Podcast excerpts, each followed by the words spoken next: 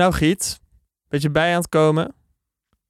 Ik heb niet per se bij hoeven komen. Nog een beetje in dezelfde rustige flow eigenlijk. Ja. Ja, Ik heb lekker geluisterd. lekker geluisterd. Jij hoeft er niet in de praatstoel te zitten een keer. Nee, gelukkig doet iemand anders dat voor ons. Maar Ja. ja, hij is ook predikant natuurlijk. Ja, predikant, dominee, Zuidas dominee, oud-president van Minerva. Ja, We hebben het natuurlijk over Ruben van eh Zwieten. En eh, Giet en ik dachten, het is eh, bijna paasweekend. Dus eh, tijd voor wat zingeving. ja. Luister zelf maar. agnosten die we zijn. Ja, Of atheïst. Ben jij atheïst? ik ben agnost. Agnost. Zijn- Dat zijn wel de betere atheïsten. Daar zijn we ook eigenlijk een beetje overheen gestapt, hè? Eigenlijk. Ja, het ging ook niet te veel over geloof, maar dat is ook wel, ook wel goed. Ja. Gewoon Dat- over, eh, over het leven, We verfrissend. zijn, niet, we zijn ook niet overgehaald, hè? Nee, nee. Of, of eh, het was geen... eh, nee, maar je had wel ander advies. Ja, ja, klopt. Maar het was ook niet dat eh, het soort van voet tussen de deur met de Bijbel in de hand. Dat was geen missionaris. Nee, Nee. dat was wel, wel lekker. Ja, missionaris is wel lekker, ja.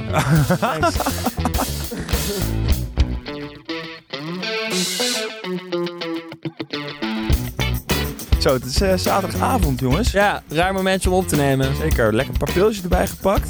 We hebben Ruben van Zwieten en Boas meegenomen. Ja, Boas de echte gast, eh, Ruben is de drager. Boas, hoe is het met je? Gaat het goed? Mijn eerstgeboren zoon. Eerstgeboren zoon. En hij doet het goed. De, inderdaad, de jongste gast die wij hebben gehad in eh, de keuzekast. Maar Ruben, we gaan het meer eh, over jou hebben. Met jou hebben over misschien wel de belangrijkere zaken dan tot nu toe hier besproken zijn bij ons aan tafel. Ja, meestal blijven we een beetje aan de oppervlakte met eh, hoe ga je voor Goldman werken of bij McKinsey. Maar dat is juist datgene waar jij een beetje tegen afzet soms. Zeker, zeker. Of eh, waar jij in elk geval eh, wat, wat stevige diagnoses plaatst. En vandaag gaan we het hebben over leven en samenleven. Want eh, Ruben, jij bent dominee. Je bent ook ondernemer. Ben je meer ondernemer of meer dominee? Eh, ik ben meer dominee. Om het simpele feit dat het ene is een ambt officieel ingesteld en het andere, dat, dat kan ieder idioot over zichzelf uitroepen. Ja, fair enough. dat is wel echt zo, ja.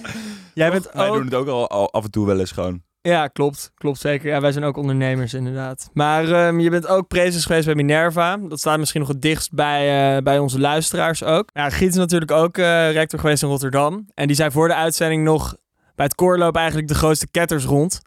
Hoe eh, verenigde jij dat met elkaar in jouw eh, studententijd? Of was je toen nog niet zoveel bezig met het geloof? Nou ja, kijk, ik ben op 11 september 2001 gaan studeren. Hè? Weet allemaal wat toen gebeurd is. Exact. Eh, uiteraard niet letterlijk op dinsdag 11 september 2001, maar je moet je voorstellen dat je dan op de faculteit theologie gaat studeren.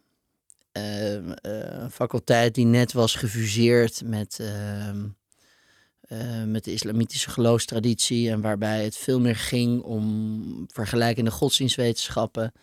En dat plaatste het in één keer in een tijdperk in Nederland van paars. Waarin eh, ja, we, we- hadden een straight way naar seculariteit. Plaatste dat in een totaal ander licht. en dan loop je op sociëteit rond en dan heeft echt niemand daar ook maar 50 gram kaas van gegeten. Eh, Dus het is eh, naar mij de zonvloed. En eh, oh ja, eh, volgens mij gaat het toch wel een beetje over normen en waarden en zo. Ja, En, maar, maar er was eigenlijk gewoon geen zinnig gesprek over te voeren. of wel, Dus- wel prediken, niet praktiseren misschien ook. Ja, ik predikte ook wel iedere avond op een stoel, maar het ging vooral echt over bier en er zat weinig les in. Ja, maar bij ontgroening, bij de ontgroening in Rotterdam zit ook nog best wel wat normatieve lessen. Maar zonder dat het heel erg wordt, wordt nageleefd, toch? Wordt niet nageleefd. Veel eerlijk zijn, ja. Ergerde jij er je aan? Eh, nee, Eh, maar de, de, de schizofrenie tussen de twee werelden was wel eh, dusdanig sterk. eh, dat je denkt, het zou eigenlijk wel gezonder zijn als dat iets meer bij elkaar lag. Hè? Dus stel je voor dat sociëteit een, weergave is van, van de samenleving. eh, waarin niet alleen recht en psychologie en geneeskunde een reflectie is van wat belangrijk is in de wereld. En dan noem je nog een be- behoorlijk spectrum. In Rotterdam zit je eerder aan economie, bedrijfseconomie economie en eh, fiscaal.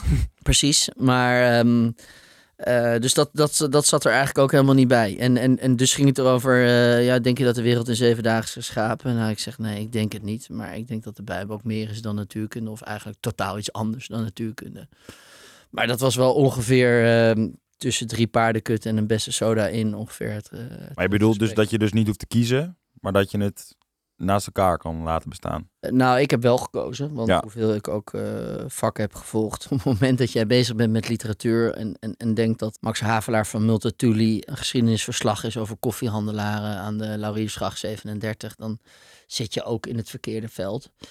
En eh, je moet ook niet denken dat er een slang heeft gesproken in het paradijs. En uiteraard, ja, als je dat wel wil. En het, het pijnlijke van de Verenigde Staten, hoe, hoe hoog wij ook dat land achten als eh, leider in de wereld. Er wordt toch nog steeds wetenschappelijk onderzoek gedaan naar het snoephuis van Hans en Gietje. En eh, ja, die ga je archeologisch gewoon niet vinden. Ja, dus jij beleidt geloof meer bij het verhaal misschien dan bij de, bij, bij de werkelijkheid. Ja, ik beleid het geloof enkel in het verhaal. En ik denk ook dat het verhaal de enige weg is. En dat is helaas een fictief verhaal. Of ik zou eigenlijk zeggen, gelukkig een fictief verhaal. En als je dat nou linkt aan, ehm, ja, je bent zelf natuurlijk niet al te lang geleden student geweest, maar je hebt vast ook wel een kijk op studenten nu. Je komt ook vast wel studenten nu tegen. Wat voor bijbels verhaal zou je daarop plakken? Op hun leefwijze, op hun eh, prioriteiten? Ik zou daar het verhaal op plakken van, ehm, van de roeping. Eh, Dus ehm, ieder mens wordt geboren uit een vader en een moeder. En die kijkt naar die vader en die moeder. Ehm, en die denkt dan van, eh, ga ik het even goed doen? Eh, of ga ik het eh, beter doen? En waarschijnlijker in dit tijdperk is dat je het minder goed doet dan je ouders. In ieder geval financieel. En dan is de vraag, waar ben ik goed in? Waar ben ik voor geboren? Wat is mijn talent? En voordat je eigenlijk in een cirkeltje komt om jezelf heen, zou het eigenlijk veel mooier zijn als je jezelf in een groter geheel plaatst. En als je jezelf in een groter geheel plaatst, dan, dan kun je over nadenken. Ik zie allemaal grote bewegingen, eh, grote veranderingen, grote uitdagingen in de wereld in de komende eh, lange termijn. Wat voor een rol wil ik daar in mijn werkende leven in spelen? Of misschien wel in meespelen als klein radartje in het geheel? En dat is een hele andere benadering dan dat jij denkt vanuit je loopbaan, vanuit carrière, CV. Vanuit je cv. CV-wapenwedloop noemen wij het hier altijd. CV-wapenwedloop, inderdaad. Ja, kijk, dat is, eh, dat is weer een fantastisch nieuw metafoor. Eh, ik zou daar zo mijn handtekening onder zetten. Maar in plaats van die kruisraketten kun je dus ook nadenken over, eh, over de wereld als een geheel en wat, wat, wat jij daar voor een rol in kan spelen. En ehm er is een verhaal over Jona en de walvis, eh, die helemaal zijn eh, roeping niet wil horen. Die loopt weg en die, die, die zinkt steeds dieper tot dat hij overboord wordt gegooid en op de bodem van de oceaan komt. En daar is het nog niet diep genoeg, want dan wordt hij ook nog opgeslokt door een hele grote walvis.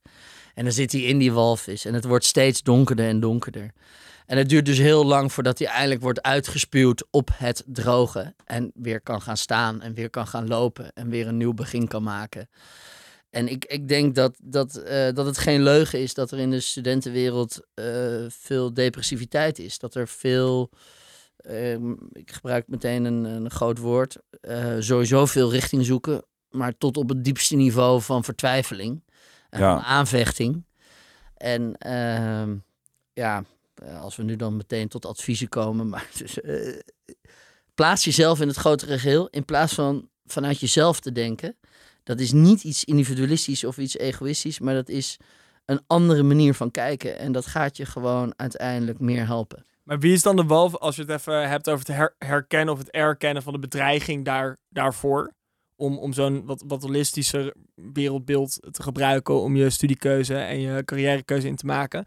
Wie is dan de walvis in de eh, hedendaagse realiteit? Ja, die, die, die walvis staat metafoor voor het geplaveide pad eh, van, de, van de loopbaan. Dus eh, ik denk eh, een aantal ingrediënten van wat je net noemt.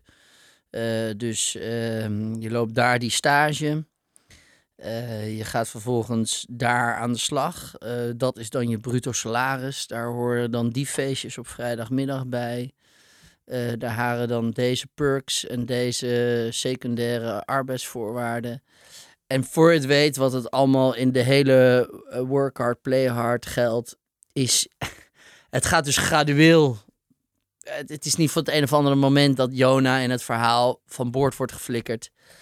Ehm, maar uiteindelijk, eerst valt hij nog in slaap. eh, en dan zit hij dus al in, in, in, in, in, de, in de kelder van het schip. En vervolgens wordt hij overboord gegooid. En dan komt hij dus in die oceanen. Dus het gaat fase voor fase. En dat heb ik natuurlijk onder young professionals wel in de afgelopen decennium op de Zuidas gezien. Ze komen helemaal bruisend aan. En, eh, ja, en soms is kook dan ook een enorme verlichting. Hè? Dus eh, ik denk, eh, men, rekent mij aan, zeker de advocatenwereld, dat ik wel eens over de Zuidas de snuifas heb gezegd. Maar dat, dat, dat is gewoon zo. Je bent ook niet de enige die dat zegt, Ja, toch? Ja, nee. Maar inderdaad even, want eh, op de Zuidas, daar loop jij rond. Nog steeds met de nieuwe poort heb je opgericht. Een eigenlijk ontmoetingsplek, zeg je, een plek voor een rust. In eigenlijk de hele zieke chaos wat de Zuidas natuurlijk is. Waarom heb je dat eigenlijk toen bedacht, dit is een goed idee? Eh, we leven nu in de, in de crisis van COVID. Eh, we hebben in het vooruit een crisis van climate. En we komen uit de crisis van credit. En in eh 2008, toen Lehman viel, toen was ik aan het afstuderen. En eh, die Zuidaswet, eh ook, door, ook door Fokken en Sukken, want die noemen dan de Zuidas geen snuifas, maar die noemden het de zelfverrijkingsas. Ja. En dat was ook het metafoor van de torens van Babel. Hè? Dus de sky is the limit is eh, elkaar proberen af te troeven in wie de hoogste toren maakt. En dat ging ook daadwerkelijk op een gegeven moment van... wij hebben nog één etage meer dan jullie. Zie je letterlijk ook gebeuren. En eh, dat is ook echt letterlijk gebeurd tussen de, de Russische Rocktoren en de, de ABN AMRO hoofdkantoor. En daar werd ook weer op vastgelegd van... nee, er mag niemand hoger bouwen dan wij. En verpissen. het, het is absoluut eh het totale wedstrijd eh, van, eh, van, van, van, van, van lineair verstrikt raken. En in, in, die, in die wereld begon ik omdat ik een recruitmentbureau had. En ik had heel veel kandidaten van de Universiteit van Groningen tot de Universiteit van Maastricht. En niet alleen van het koor, maar ook van, van de katholieke vereniging. Om het maar over ketters te hebben. En, ehm, en al die studenten bij elkaar was mijn kandidatenbestand.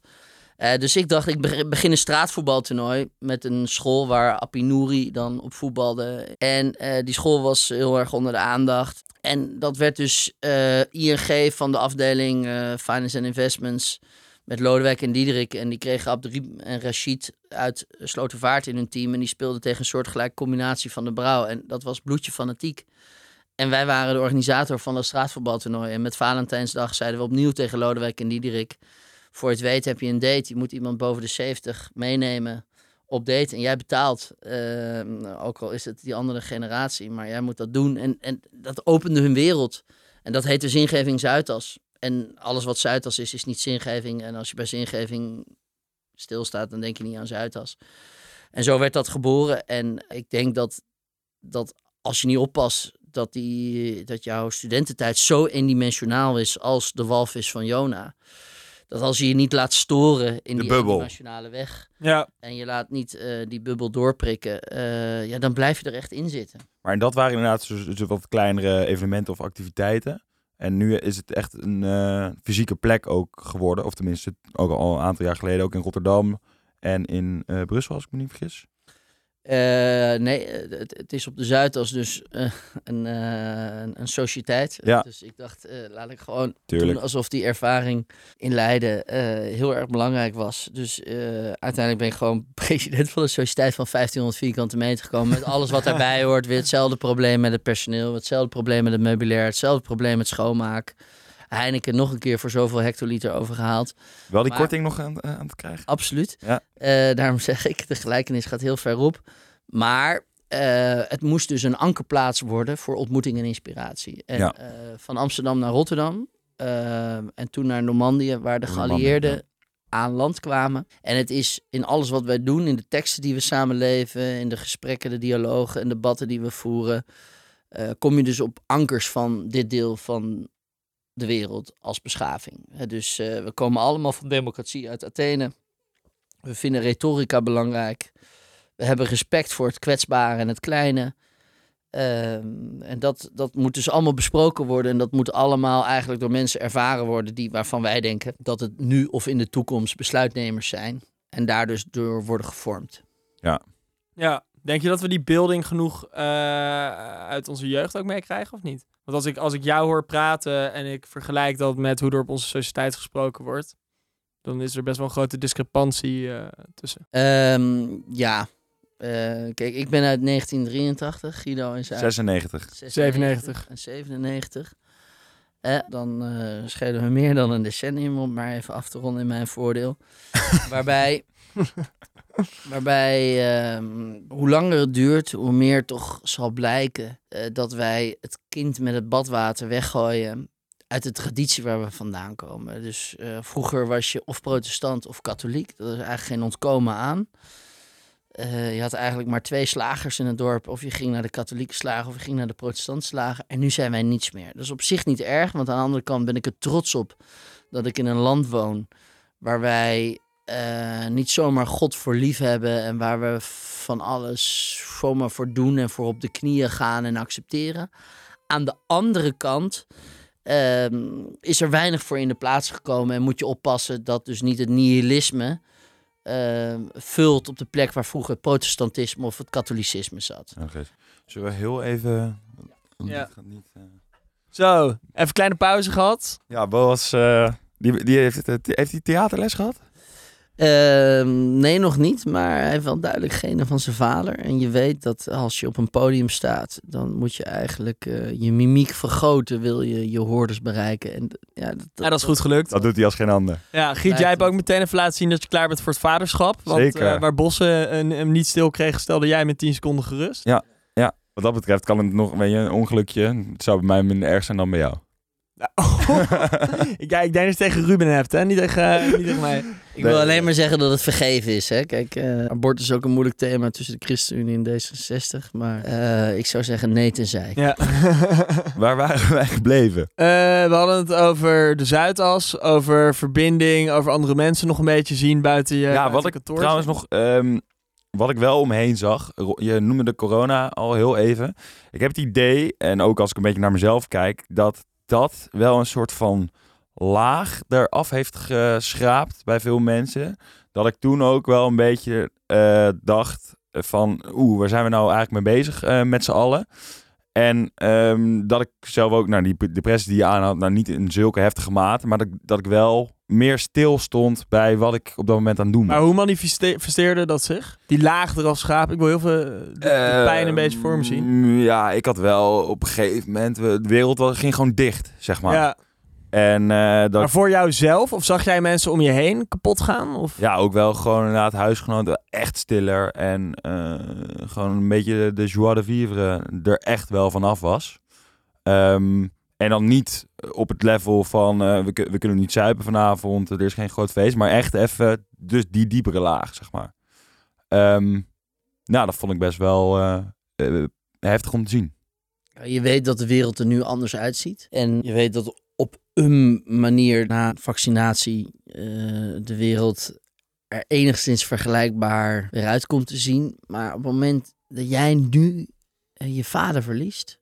Of, eh, want de kanker houdt geen rekening met corona. En dat is toch een, eh, een welvaartsziekte, een, een volksziekte die, die, die, die dusdanig groot blijft. eh, Dat mensen dat nu allemaal moeten verwerken. En het is toch heel anders als jij afscheid moet nemen in coronatijd met een drive-in begrafenis. En zelfs via Zoom heeft iets treurigs. Ja, Ja. diep treurig lijkt me dat. Dat is volgens mij nu het pijnlijkste eigenlijk van dit moment. Maar gaan mensen, gaan mensen anders leven hierna, denk je? Op, wat, zijn, de, zijn er lessen die we, die we opsteken? Want Giet, jij snijdt het eigenlijk aan. Er zijn veel jonge mensen ook die wel even iets dieper gaan stilstaan bij... oké, wat zijn we eigenlijk aan het doen? Waar hou ik eigenlijk ja, waarde uit? Maar ook echt inderdaad paniekaanvallen, weet je wel? Ja. Echt op... Dus even zichzelf tegenkomen, Ja, laten ja. we zeggen. Maar je hebt ook wel weer een school die zegt van... oké, als het zo meteen weer allemaal voorbij is... eh, en je kan je normale leventje weer oppikken... dan zijn we het ook zo weer vergeten. Dat, dat je zo in de put zat. En eh, Ruben, jij eh, stipte eerder al eventjes aan... mensen die in een burn-out raken. Als die mensen daar bovenop komen... of als mensen na COVID er weer bovenop komen... hoe vers blijft dat in het geheugen zitten... om niet aan dezelfde steen te stoten? Ik denk eerlijk gezegd dat we weer heel snel in, een, in eenzelfde ritme komen. Eh, Zodra de grenzen weer open gaan en we kunnen reizen en vooral eh, de jonge generatie weet hoe vrij ze zijn, dan gaat het nog hooguit over blijven een, een vliegticket voor 35 euro bestellen en hoe is het in godsnaam mogelijk dat als we de trein pakken we ongeveer tienvoudige kwijt zijn.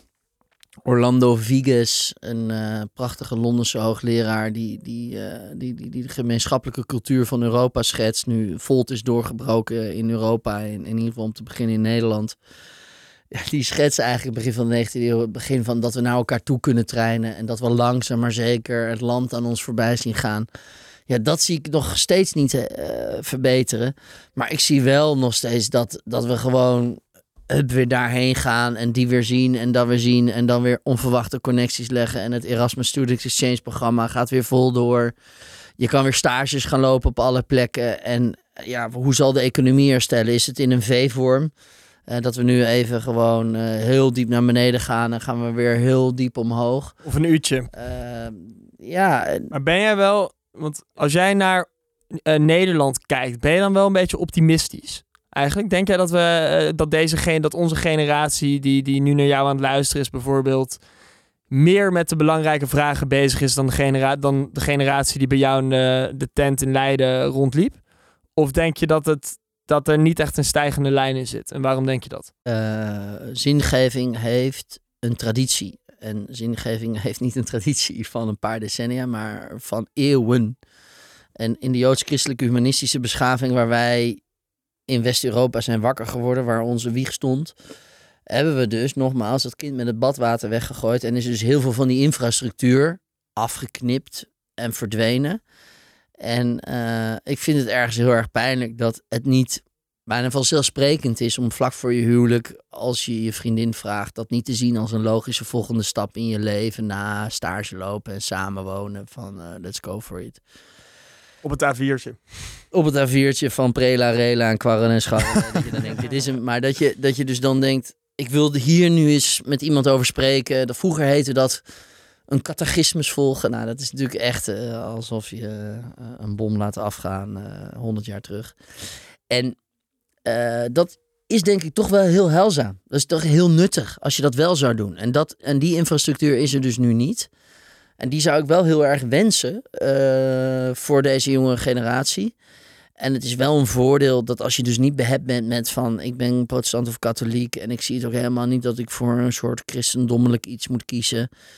Ehm, maar misschien ben ik wel zo vrij van geest dat ik zeg, ja, ik wil toch wel een beetje leentje pik doen uit, uit die eeuwenoude zingevingstraditie waar we in West-Europa in staan. Dan helpt dat. Maar als, als dat logischerwijs heel erg ver weg ligt en we gaan weer opnieuw de hele gang van laten we het zoeken in, in India en, en, en, en, en dus in, in Azië, dan in de Oosterse filosofie. Maar en vroeger was dat dan dus de Bijbel?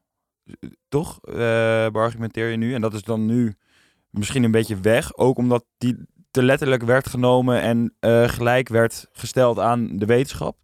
Dus dat eerder mensen zeiden van, nou ja, weet je, de Bijbel kan je dus niet rijmen met de wetenschap. Maar jij doet dat eigenlijk op een andere manier. Die traditie vroeger is niet enkel samen te vatten met de Bijbel. Nee. Dat is, wij hebben een enorme mooie traditie van een kerk. Een kerk uh, betekent uh, voor elke gymnasiast die nu luistert niks anders dan het Griekse werkwoord kaleo, samenroepen van mensen. En je kan mensen samenroepen rondom de handel, dat doen ze op de markt. En ja. je kan mensen samenroepen op het uh, stadhuis en het raadhuis. En dan krijg je politieke partijen en dan komt er een compromis. Maar het allerbelangrijkste is het samenroepen van mensen bij geboorte, bij liefde en bij de dood. En dat doe je in dat huis. En als ik nu spreek met de Rijksdienst voor Cultureel Erfgoed, wat een hele mooie afdeling is, wat we ook nooit pri moeten privatiseren of aan de markt moeten overlaten, maar helemaal in, overheidshanden moeten houden, dan, dan, uh, dan zie je dat mensen erkennen dat het natuurlijk om meer gaat dan enkel steen en om enkel een gebouw. En dat iets wat nu een Rijksmonument in Nederland heet, dat dat een gewijde plek is. En dat dat iets draagt uh, wat groter is uh, dan onze naam, wat groter is dan onze familie, dat groter is dan verleden en dat de hele toekomst ook draagt. En dan, en dan denk ik dat we daar uh, veel meer waarde aan moeten heffen. Ik, ben totaal geen voorstander van Forum voor Democratie, maar ik heb ook wel eens, omdat ik met Thierry in, uh, in, de, in de Boy Klusman van Brugge Academie, de BKB Academie zat en zo. En uh, ook wel eens op de, op de verjaardag van Jort Kelder, diep in de nacht met hem ruzie kreeg.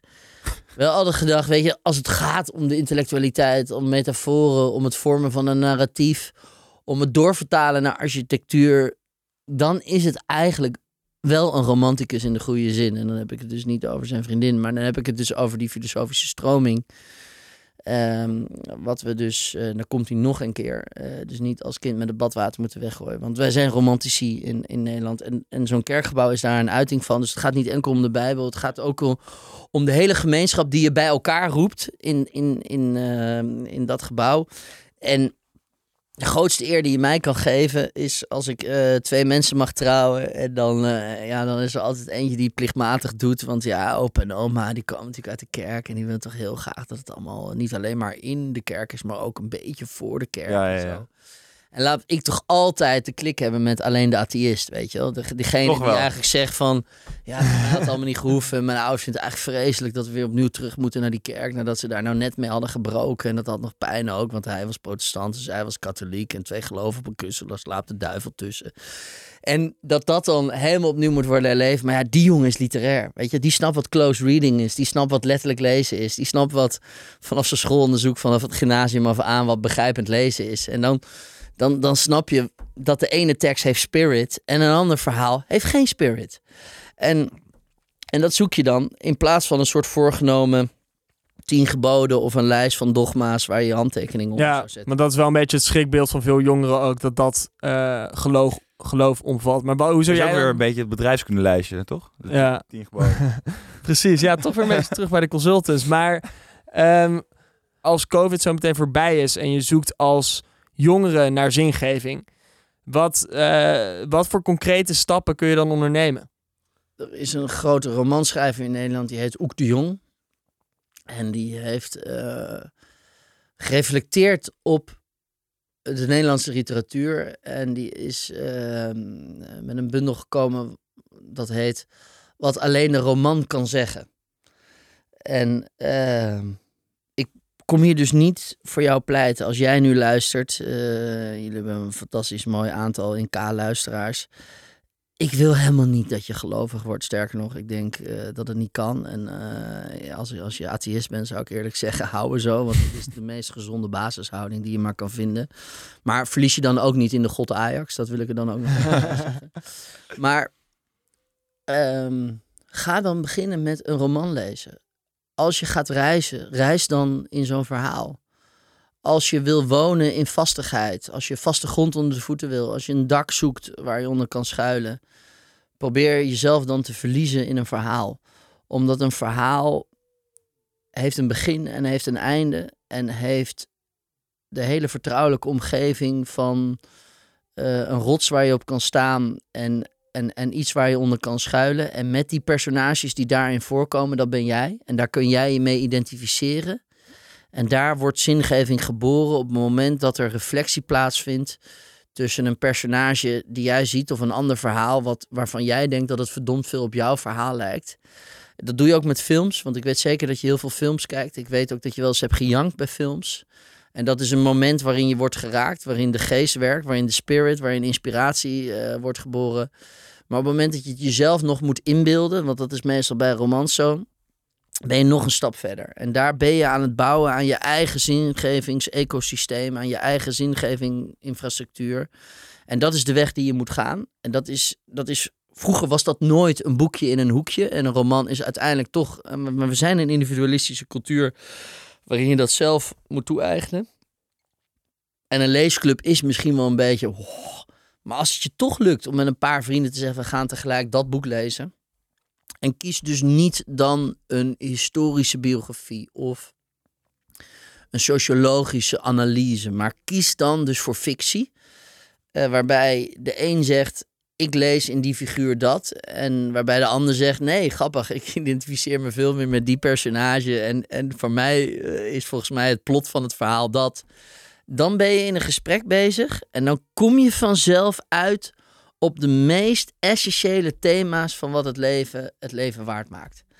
En probeer dat dan. En eh, zoek ook eens een keer een gedicht op. En verlies je niet in de natuur en verlies je niet in technologie.